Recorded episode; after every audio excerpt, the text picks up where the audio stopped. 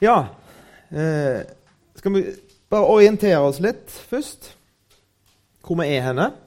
Nå har vi gått gjennom den første delen av, eh, av romerbrevet, den som handler om syndene våre, skylden vår, handler om Guds vrede, Guds, som vi var under, og, og Guds løsning på det problemet. En rettferdiggjørelse, en frelse ved tru. Og så skal vi begynne på et avsnitt som handler om årsaken, rotet, til problemet. Nemlig syndet som bor i oss. Men hvorfor, hvorfor den rekkefølgen? Hvorfor kommer den eh, første delen først, og så den andre delen? Har det noe å si? Og Da har jeg lyst til å låne en, en illustrasjon som jeg har stolet fra, eller stela, som sier, fra David Gooding. For jeg har stolet mye, ikke han, forresten. Men uh, han fortalte om en, en unge mann som hadde en skikkelig rå bil. Som vi sier at det var en eh, Audi R8. Kunne vært en I8, men nei, en R8. Uh, eh, og han kjørte rundt i denne bilen, og han, han uh, syntes jo det var dritkult å kjøre den bilen, men han Altså, han brydde seg ikke så mye om, om bilen. Han eh, Altså, Serviceheftet det var bare blanke sider, ikke et eneste stempel. Og eh, olja, det sjekka han aldri. Eh, en gang så prøvde han, eh, kjørte han i 120 på motorveien, og så satte han den i revers bare for å teste hva som skjedde da. Og eh, en kveld så hadde han drukket litt, og så var han ute og kjørte med bilen, og så krasja han. Bilen var et vrak. Han kom eh, mer eller mindre uskadd ifra det sjøl. Og så står han der, og bilen er øyelagd. Og så begynner det å demre for han at det er faktisk ikke hans bil. Han har lånt denne bilen her. Og hvis han som eier bilen, får vite hva han har gjort med han, da, da er han i trøbbel. Skikkelig i trøbbel. Han kommer rett og slett til å bli utsatt for denne mannen, denne eieren, sin, sin vrede. Og så tenker han hvordan kan jeg klare altså, For det første så må jeg unngå Unngå å treffe han her eieren for enhver pris. Jeg må, jeg må, unngå at han oppdager hva som har skjedd. Og så må jeg finne meg en flink mekaniker som kan lappe denne kjerra sammen, sånn at det iallfall er noenlunde greie. sånn at når jeg møter eieren, gang kan jeg si ja, jeg var ute og kjørte, jeg hadde et lite uhell. og det, Du ser det er en liten bung i der, men, men eh, det ene også, I håp om at han skal si jo, greier, ok, det kan skje den beste. Det, det er greit. Og det forholdet er det mange mennesker har til Gud. De står i ruinene av livet sitt. De har øyelagt. De har vært ulydige mot Gud, har misbrukt det livet Gud har gitt dem. Og så har de øyelagt for seg sjøl. Og så vil de helst unngå å ha noe med Gud å gjøre. Og så prøver de å lappe på det, og så får de inn tak i en mekaniker i tillegg. Som da blir Jesus. Jesus blir han, han mekanikeren som hjelper de, og så lapper sammen livet og fikser opp i det. Sånn at en dag, når du skal møte eieren, når du skal møte Gud, så kan du vise noenlunde greit liv. Det er fiksa på, det er greit. Og så, si, så skal han si at det er gode greier. Du gjorde ditt beste. Og det var Det litt feil her og der, men OK. Du skal få lov å være i min, min nærhet. Men hovedproblemet til han som kjørte denne bilen, det var jo at han hadde et problem med eieren. Og måtte få ordne opp i det forholdet. Og det er det Paulus tar først. Sånn at det, Guds vrede, at det forholdet til eieren kan bli rydda opp i en gang for alltid. Og det skjer ikke med oss å prøve å fikse bilen. Det skjer ikke med oss å lappe på det som er øyelagt, og prøve å forbedre seg og prøve å ta seg sammen. Det skjer med ei hjelpeløse tru, sånn som den som Abraham hadde. Som ser på sine egne ressurser og ser at jeg har null ressurser. Han så på seg sjøl, og så så han på kona si, så så han her er det ingenting. Her kan det ikke bli unger. Det kan ikke bli unger av dette her. Og så retter han hele sin tillit til Gud. En hjelpeløs hånd som strekker seg ut til Gud og sier det må komme ifra deg. Og Det er det som er tru. Som, du ser at du har ingenting å stille opp med. Du står i ruinen av livet ditt, og du er skyldig. Det er de skolen. Vi har en, jeg sitter på kontor med tre andre på jobb. og vi setter et skilt på døra, for det hang ikke skilt på døra når vi flyttet inn, så vi skrev 'Ministry of Magic' på, på døra.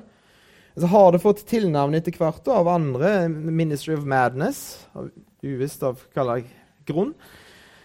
Men eh, det er en sånn sang som er blitt en slager hos oss av Don Francisco, som heter 'It's Your Own Fault'.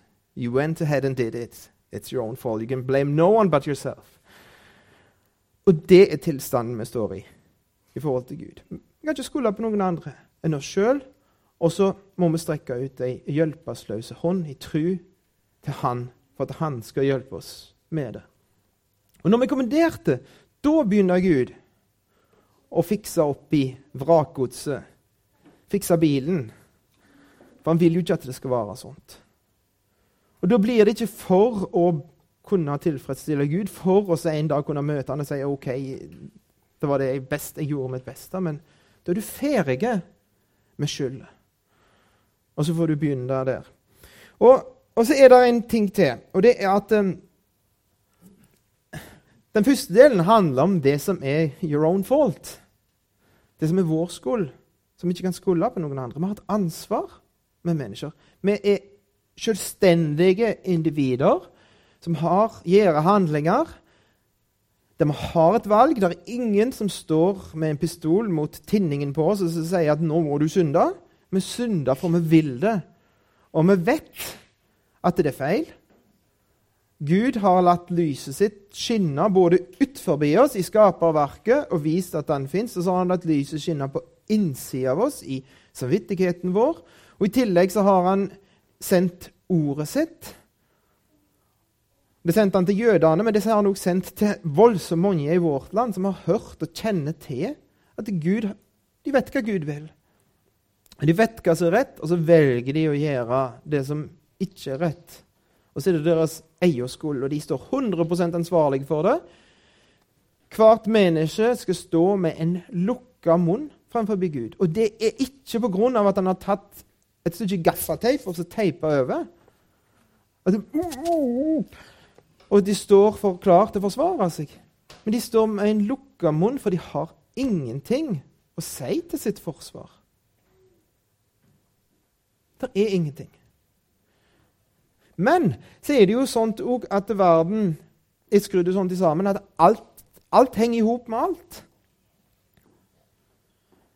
Jeg tenkte på det for, for ikke så lenge siden. for Ungene, ungene våre, Margitta og mine, de er et resultat av at Fridemann og Maren gifter seg i Norge. For da møtte vi hverandre i bryllupet deres. Og da ble, gift, ble, det til slutt at uh, hun gav seg til slutt, og så giftet hun seg med meg. Og så, så fikk vi fem unger. Og det er et resultat av det. Fridemann og Maren de møttes i England pga. at uh, foreldrene deres Margitta kjente noen i, i England. Grunnen til at, Friedemann, grunnen foreldrene deres Margitta kjente noen i England, og sendte Fridemann der på sommerferie, sånn at han ble anglofile, det var at uh, de var i en del av kristenheten som hadde sine røtter i en som en som heter John Nelson Darby. Og så kan du føre det tilbake der. Men samtidig så er òg foreldrene hennes, Margitta, det at de er gifte, det er et resultat av andre verdenskrig. Av helt forferdelige ting som skjedde. Hadde det ikke vært for andre verdenskrig, så hadde ikke Elias og Samuel, Jon Christian og Lina og Aron eksistert.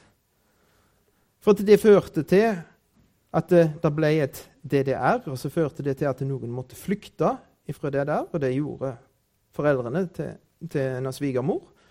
Og så møtte hun en, en gutt i Sør-Tyskland og ble gift med han. Og så ble det Så alt henger sammen. Og det er det andre problemet. Grunnen til at vi synder, det henger i sammen bakgjennom tilbake til én person som heter Adam. Det er your own fault. Det er vår skyld, men samtidig er det ikke bare vår skyld. at vi synder. Og Det er det dette avsnittet i Romerbrevet, som begynner i Romerbrevet 5 og vers 12 begynner å forklare for oss. Og Nå skal vi lese dette i sammen her. Derfor, like som synden kom inn i verden ved ett menneske, og døden på grunn av synden, og døden slik trengte gjennom til alle mennesker fordi de syndet alle,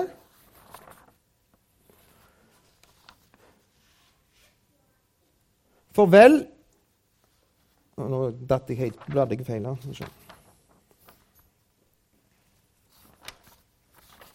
Når jeg roter i papirene, det er ikke bra, altså. For vel var det synd i verden før loven kom, men der det ikke er noen lov, blir synden ikke tilregnet. Likevel hersket døden fra Adam til Moses også over dem som, ved, som ikke hadde syndet ved et lovbrudd slik som Adam, han som er et forbilde på den som skulle komme. Men med nådegaven er det ikke som med fallet. For de mange døde på grunn av den enes fall, så er meget mer Guds nåde og nådens gave i det ene mennesket Jesus Kristus blitt overmåte rik for de mange. Og med gaven er det ikke som da den ene syndet. For dommen kom etter den ene synd og ble til fordømmelse. Men nådegaven kom etter manges overtredelser og ble til frifinnelse. For om døden kom til å herske ved den ene, fordi denne, ene falt, hvor meget mer skal la de som mottar nådens og rettferdighetens gavens overstrømmende rikdom, leve og herske ved den ene Jesus Kristus. Altså, like som én manns overtredelse ble til fordømmelse for alle mennesker, slik bør også én manns rettferdige gjerning til livsens rettferdiggjørelse for alle mennesker. For like som de mange kom til å stå som syndere ved det ene menneskets ulydighet, så skal også de mange stå som rettferdige ved det enes lydighet. Men loven kom til for at fallet skulle bli stort. Men da synden ble stor, ble nåden enda større. Og like som synden hersket ved døden, så skal også nåden herske ved rettferdighet til evig liv ved Jesus Kristus, vår Herre. Det første vi møter her, det er to stamfedre. Vi har en stamfar med mennesker. Vi stammer alle ifra det første mennesket, ifra Adam. Og Adam han ble en opprører imot Gud. Og så førte han et fall inn i verden. Og så står det om Adam og Eva at de ble skapt i Guds bilde, i Guds lignelse. De ble skapte for å gjenspeile Gud og vise verden og skaperverket hvem Gud var, og ligne på Han. Men hvis du går litt lenger ut i første Mosebok, i kapittel 5, mener jeg det, så leser du om Adam som får en sønn. Og da får han en sønn i sitt bilde, i sin lignelse. Og Det er det som er sannheten om oss alle som sitter her. Vi ligner på han som er opprøreren. Han som valgte å ikke tro og ikke stole på Gud og ikke ta hensyn til Gud. Midt i Guds velsignelse så valgte han å være utakknemlig og ikke gi Gud den æra som han skulle ha. Han har fått sette sitt preg på hele menneskeslekta etterpå. Det er det vi er født i. Det er det vi har arva. Det er den synde vi har arva. Hvordan den går i arv, det vet ikke jeg. Men det går helt tydelig i arv. Du ser det allerede når ungene er små. Så ser du at det, de, de er ikke, det er ikke bare god, godhet. Det stikker fram. Og et, når, du, når, de blir litt eldre, så begynner du å kjenne deg sjøl igjen i i ungene. Dessverre. For de har fått noe arvemateriale med på veien, som ikke bare er bra. Så ser du noe av det. Ei synd som er arva. Og Adam tok med seg hele menneskeslektet i fallet. Var det vår skyld? Var det vår skyld at Adam synda? Er det vår skyld at vi er blitt syndere? Nei, det er jo ikke det. Vi kunne ikke for Ingen, ingen av oss valgte å, å bli født inn i denne verden. Det var det noen andre som valgte, i den grad de valgte. Og ingen av oss eksisterer av eget, egen frivillige. Ingen av oss valgte å bli syndere. Ingen av oss valgte å få den naturen vi har. Men det er likevel et kjempeproblem for oss noe øyeleggende i livet vårt. Og Det er en, en fantastisk illustrasjon på dette synes jeg, i, i Johannes-evangeliet. I Johannes-evangeliet har vi noen tegn som er dratt fram, som Jesus gjør. Og De tegnene de henger i hop med hverandre. Noen av de parvis. For eksempel så er det et tegn der, der Jesus fjernhelbreder. Han trenger ikke å reise der til som det er en syke. Han, han gjør det på avstand. Og så er det et annet tegn der faktisk Lasarus dør for at Jesus ikke kommer. Jesus kunne jo ha helbreda han på avstand, men han gjorde det ikke. Han ventet til han var død, og så måtte han komme der til for å fikse det. Og Det er det en betydning i. Men Det skal vi ikke snakke om nå. Men det er, det er to andre historier. Det er en mann som hadde levd i 38 år som lame. Han lå og kunne ikke bevege seg. Han hadde ikke noe liv. Han kunne ikke leve et innholdsfullt, menneskelig liv. Og så hører han Guds sønns stemme, og så får han liv. Han møter Jesus, og der er det en dam. Og Denne dammen den heter Betesta. Og Der trodde han at det, denne må brukes. Hvis jeg skal bli fri fra den elendigheten som jeg lever i, så må denne her dammen brukes. Så sier Jesus på en måte nei, jeg trenger ikke noe dam, jeg. Ta senga di og gå. Han snakker et ord til han. Og så sier han til han, gå og synd ikke mer for at ikke noe verre skal skje deg. Altså hinter han til at det her er der, det er noe som, noe som har skjedd med deg. Du har ikke alltid vært lame. Det er 38 år, men ikke alltid. Det skjedde med deg. Og ikke synd mer for at ikke noe verre skal skje med deg. Altså Det var hans e skyld på en eller annen måte at han var i den tilstanden han var. På samme måte som det var vår skyld at vi var i den tilstanden vi var før vi møtte Jesus. Og Vi kunne ikke skylde på noen andre. Men så har du en annen fortelling med en dam det er en mann som er blinde. Han er ikke i stand til å leve et normalt liv. Han har fått livet øyelagt. Det er ei øyeleggende kraft som er kommet inn i livet hans fra fødselen av. Han er født blinde. Og så spør disiplene hvem er det som har synda. Hvem sin skyld er dette her? At han er sånn. Det er det han eller det foreldrene hans? Sier Jesus ingen av dem. Dette er skjedd for at Guds herlighet skal skal vises. Og så får han syn igjen, og han må faktisk gå til dammen. Han må gå til den som Gud har utsendt, for det er det siloa betyr. Utsendt. Sånn som Erlend sa, det er én vei. Du må gå til han som Gud har utsendt. Du må gå til Jesus. Og Det er den andre delen vi snakker om nå. Det som vi ikke kan noe for, men som likevel er et kjempeproblem for oss, og må løses. Den medfødte synden. Og da har vi snakket om den ene stamfaren. Men det kommer en ny stamfar her, heldigvis. For det er ikke bare det første mennesket, Adam.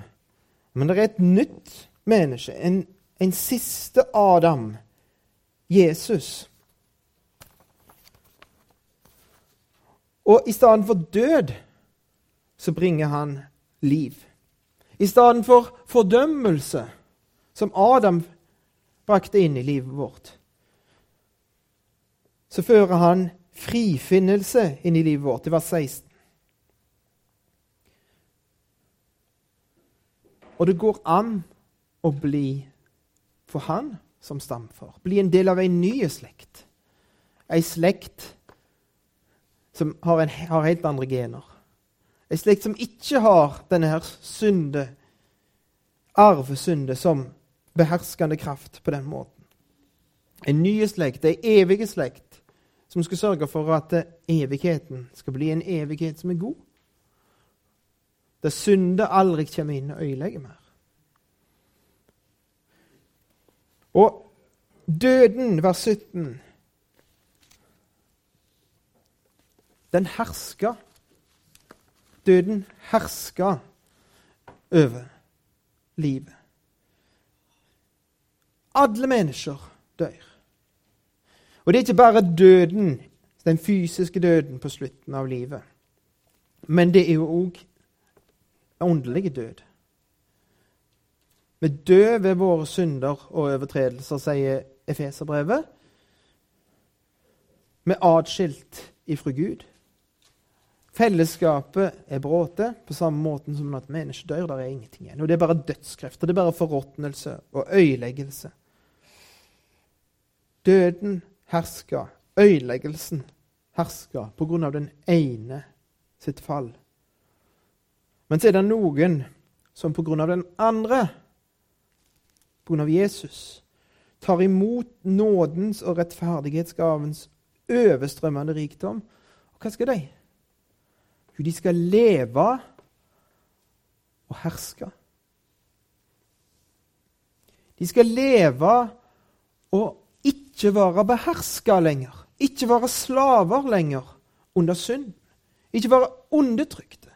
For Det står i Efeserbrevet igjen om ei, ei ånd som er virksom i de som ikke tror. De drevne.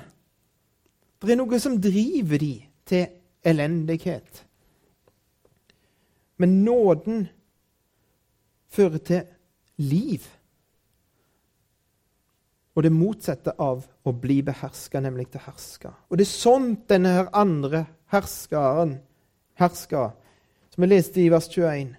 Synden herska ved døden, men nåden herska ved rettferdighet til evig liv. Og det som er at Gud har, Når Gud har latt alt henge i sammen, så kan han gjøre det på denne måten. Han kan la det som gjaldt Adam, gjelde alle mennesker og få konsekvenser for alle mennesker, så det også, er det òg sånn at det som gjelder Kristus, får konsekvenser for alle som er knytta opp til han. Og det sier han allerede, bare for å ta en bitte liten kommentar til, til vers, eh, vers 13 og 14. Så står det For vel var det synd i verden før loven kom.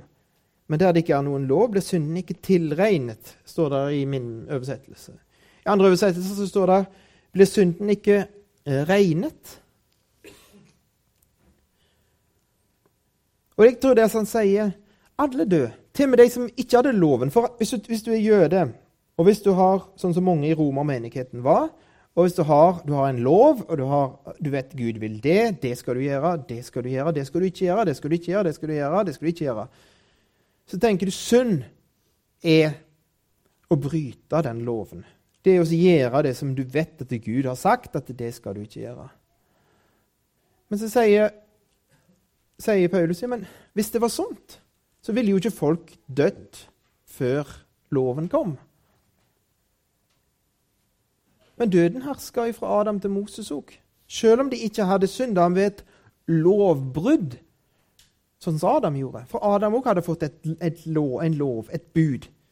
Dette treet skal du ikke ete av, for da skal du dø. De andre de synda, de òg.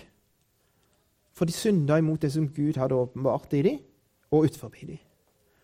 Alle synda. Alle viste hva som bodde i dem. Alle Døden herska over alle. Men så har Jesus kommet inn i bildet. Og så er det mulighet for frihet.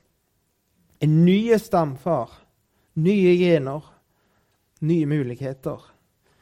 Til at det vrakgodset, det som er øyelagt, det kan bli helt nytt. Og så kommer vi til kapittel 6.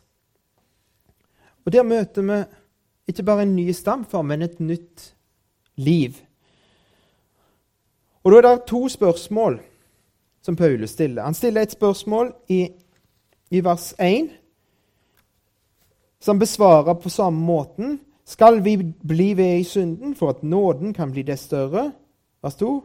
Langt derifra.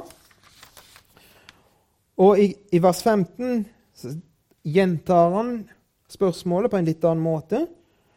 Hva så? Skal vi synde siden vi ikke er under loven, men under nåden? Langt derifra. Og Det er de to spørsmålene vi skal prøve å se på. Hvorfor skal vi ikke synde? Hvis nåden hersker, Guds velvilje imot oss, Guds ufortjente velvilje, hersker over oss på samme måte som døden hersker over oss. Hvordan hersker døden over oss? Jo, det er uten unntak. Det er uvegerlig. Det går ikke an å stå imot døden. Døden vinner uansett. Og Så sier Paulus at nåden vinner uansett. Nåden skal herske ved rettferdighet til evig liv ved Jesus Kristus, vår Herre. Ja, Skal vi bare synde da? Da Da blir jo nåden enda større. Jo mer vi synder, jo mer er vi tilgitt, jo mer kan vi takke Gud for. Langt derifra. Ja, hvorfor det da, Paulus? Jo, vi som er døde fra synden, hvordan skulle vi ennå leve i den? Eller vet dere ikke at alle vi som ble døpt til Kristus Jesus, ble døpt til hans død?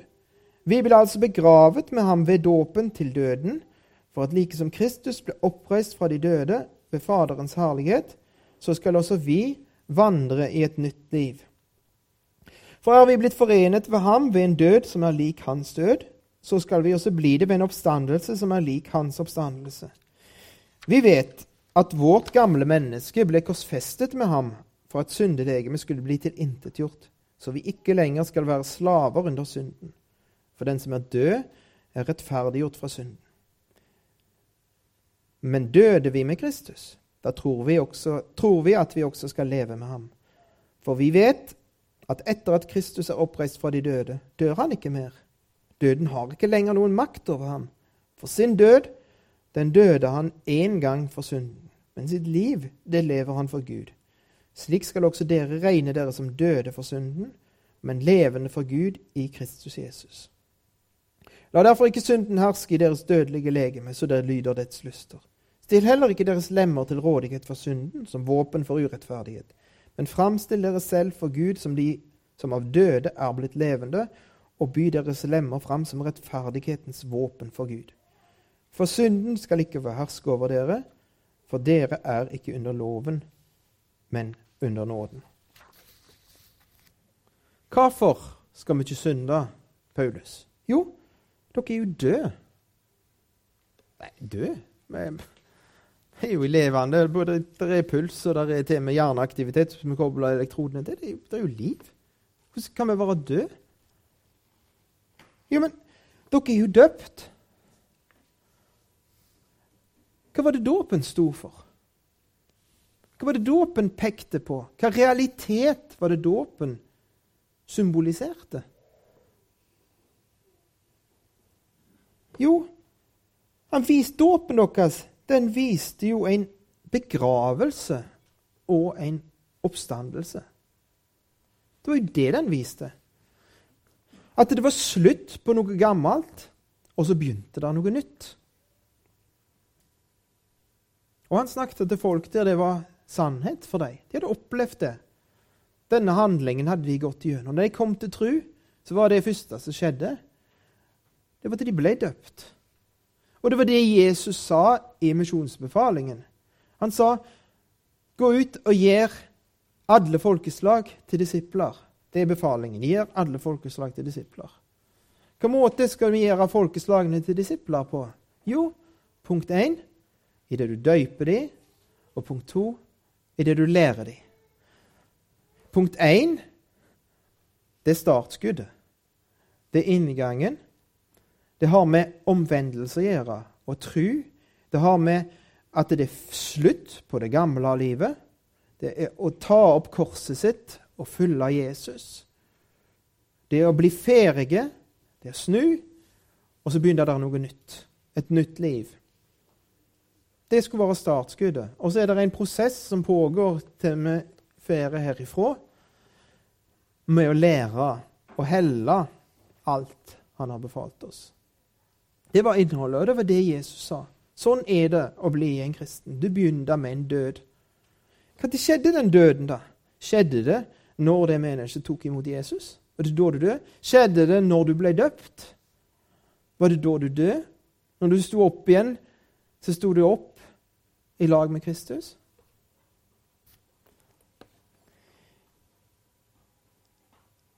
For er vi blitt forenet, vers 5, med Han ved en død som er lik hans død, så skal vi også bli det ved en oppstandelse som er lik hans oppstandelse. Vi vet at vårt gamle menneske ble korsfestet med ham. Når døde? Når var dødsdagen? Hvis det skulle stått ei gravstøtte for David av sjøen, så hadde det stått 'født 1972', død 33. Det høres jo helt feil ut. Men det er det som er sannheten.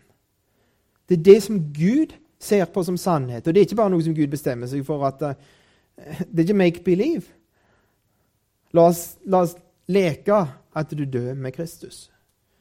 Men det er sant, selv om vi ikke ser det. Selv om vi ikke har tilgang til den verden på den måten, og kan oppleve det på den måten som Gud opplever det på, så er det sant om oss at den dagen når Jesus hang der på korset, så gjorde Gud seg ferdige med han galningen som kjørte den bilen, og kjørte han til vrak. Kjørte i fylle og satte han i revers når han kjørte på motorveien og alt mulig. Gud gjorde seg ferdig med det gamle mennesket, med den gamle David. Han setter en strek over det. Når Jesus dør på korset, så dør jeg. Gud er ferdig med det. Det er ikke noe å forbedre. Det er ikke noe å fikse på på det gamle mennesket. Det måtte kondemneres. Men så var det ikke bare det Jesus døde ikke bare. Jesus sto òg opp igjen på den tredje dagen med et nytt liv. Og den dagen Jesus sto opp igjen, så var du som tror på Jesus, og jeg som tror på Jesus, vi var med når han sto opp igjen. Og det nye livet som han sto opp med, som han gjorde tilgjengelig, det er blitt vårt liv. Vi er ferdige med det gamle. Vi er ikke slaver under synden lenger. Synden har ikke noe ganske sagt lenger. Når synden kommer og banker på og sier Nå skal du høre. Ser du det greiene? Det ser kjekt ut. Se hva de andre holder på med. Det må du se på. Trykk på denne linken der. Det var spennende greier. Ja, trykk på den linken der. Kan du se noen bilder, noen filmer som gir deg tilfredsstillelse. Og så er det vaner i oss. På grunn av at vi har lært oss å la synden få lov å herske over oss. Vi hører på stemmen, og selv om vi er frie, selv om det er sant om oss at vi er frie fra synden og trenger ikke lye lenger, så har vi en tendens til å høre på det, for det er fristende. Men vi er fri, og vi trenger ikke å Og vi kan, sånn så, og det er en logisk konsekvens, sånn som Paulus sier, at det, når vi ser og regner med det som sant, som Gud ser som sant, at vi dør med Kristus og oppstått med Kristus til et nytt liv, så skal vi ikke ta denne kroppen vår, disse lemmene våre, disse øynene våre og ørene våre og munnen vår og hendene våre og føttene våre og alt vi er og har, skal ikke vi stille det til disposisjon for synden. Det er ikke synden som skal få herske i kroppen vår lenger. At vi skal ly av lystne til han, sånn som det står i vers 12.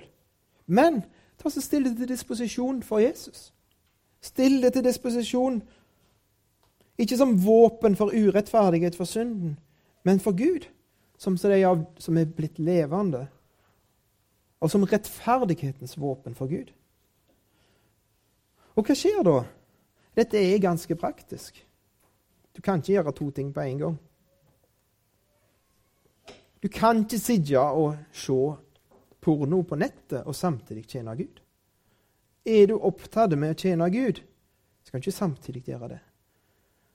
Det er helt praktisk. Still deg til rådighet for Gud, og bruk det livet, det nye livet, for Han. Og rekne sånn som Gud rekner. Se tilbake på dåpen, og se på de som blir døpt, og tenk Jeg har sagt det. Jeg har sagt at det er slutt med det gamle. Jeg har forplikta meg til å leve for Han. Han eier meg. Han har kjøpt meg. Han døde for meg. Han gikk til korset for meg. Han vant meg. Og det er bare ett svar, og det er mitt liv og mitt alt. Så det er det første svaret. Du er fri, og du tilhører en annen. Du død og oppstått med Kristus. Men det andre svaret, som Paulus sier på spørsmålet Skal vi synde siden vi ikke er under loven, men under nåden? Hva betyr det? Siden vi ikke er under loven, men under nåden? Jo, loven den var ikke bare 'det skal du, det skal du ikke', men det var 'hvis du ikke gjør det som jeg sier, så straffer jeg deg'. Hvis du ikke gjør det som jeg sier, så er vreden over deg. Og hvis vi er fri fra det, da kan vi jo gjøre som vi vil. Det var det noen som sa. Da kan vi leve som vi vil. Så sier Paulus, ja, men OK, da. Hvis du gjør det. Hva skjer da? Vet dere ikke at når dere byr dere fram for å lyde noen som tjenere, så er dere dermed tjenere under dem som dere lyder? Dere blir enten tjenere under synden til død, eller under lydigheten til rettferdighet. Men Gud være takk at dere som var syndens tjenere, av hjertet er blitt lydige mot den læreform dere er overgitt til. Og når dere nå er frigjort fra synden, er dere blitt tjenere for rettferdigheten. Jeg taler på menneskelig vis på grunn av deres kjødelige skrøpelighet. For like som dere før bød dere fram deres lemmer til tjeneste for urenheten og lovløsheten som førte til lovløshet, så by nå deres lemmer fram til tjeneste for rettferdigheten. Det fører til helliggjørelse. For da dere var syndens tjenere, var dere fri fra rettferdigheten. Hva slags frukt høstet dere så den gang, slik som dere nå skammer dere over? for den er død. Men nå, når dere er frigjort fra synden og er blitt tjenere for Gud, har dere helliggjørelse som frukt, og til slutt evig liv.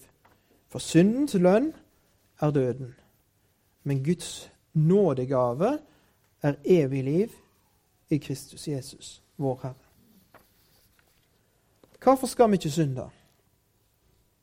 Jo, punkt én hvis du stiller deg til rådighet for noen så blir du en tjener for den du stiller deg til rådighet for, selv om du er frie. Selv om du er frie. Hvis du bestemmer deg for at syndet skal få lov å herske i livet, skal få lov å bestemme mine handlinger, så ender du opp med å være en slave likevel. Selv om du er frie. Vi som er kristne, vi som har tatt det imot Jesus, vi som er befridde, vi kan bli slaver igjen i praksis. Vi kan bli beherska igjen av synd i livet vårt. Så trykk oss ned. Sier at vi må gå med bøtt ansikt, bødd rygg. Syndens øyeleggende kraft den slutter ikke å være der. Syndens herredømme slutter ikke å være der. Han sier bare 'velkommen'. Kom og tjen meg. Det går helt fint. Selv om du hører Jesus til. Skal få lov å tjene meg likevel. Men still deg til rådighet for Gud. Så blir det danna nye vaner. Og så blir, du, så blir det nye resultater. Ikke synd, men rettferdighet. Ikke lovløshet, men helliggjørelse. Og så sier han, punkt to Hva frukt høster dere? Hvordan er det egentlig? Hvis en kristen mann drikker seg fulle. kjører i fylla, og så kjører han i hæl et annet menneske Hva skjer da? Jo, han kan be om tilgivelse. Han kan få tilgivelse. Jesu, hans sønns blod, renser oss fra all synd. kan stå ren og rettferdig, himmelen verdige. Som han gjorde før òg. Forholdet til Gud kan bli gjenoppretta.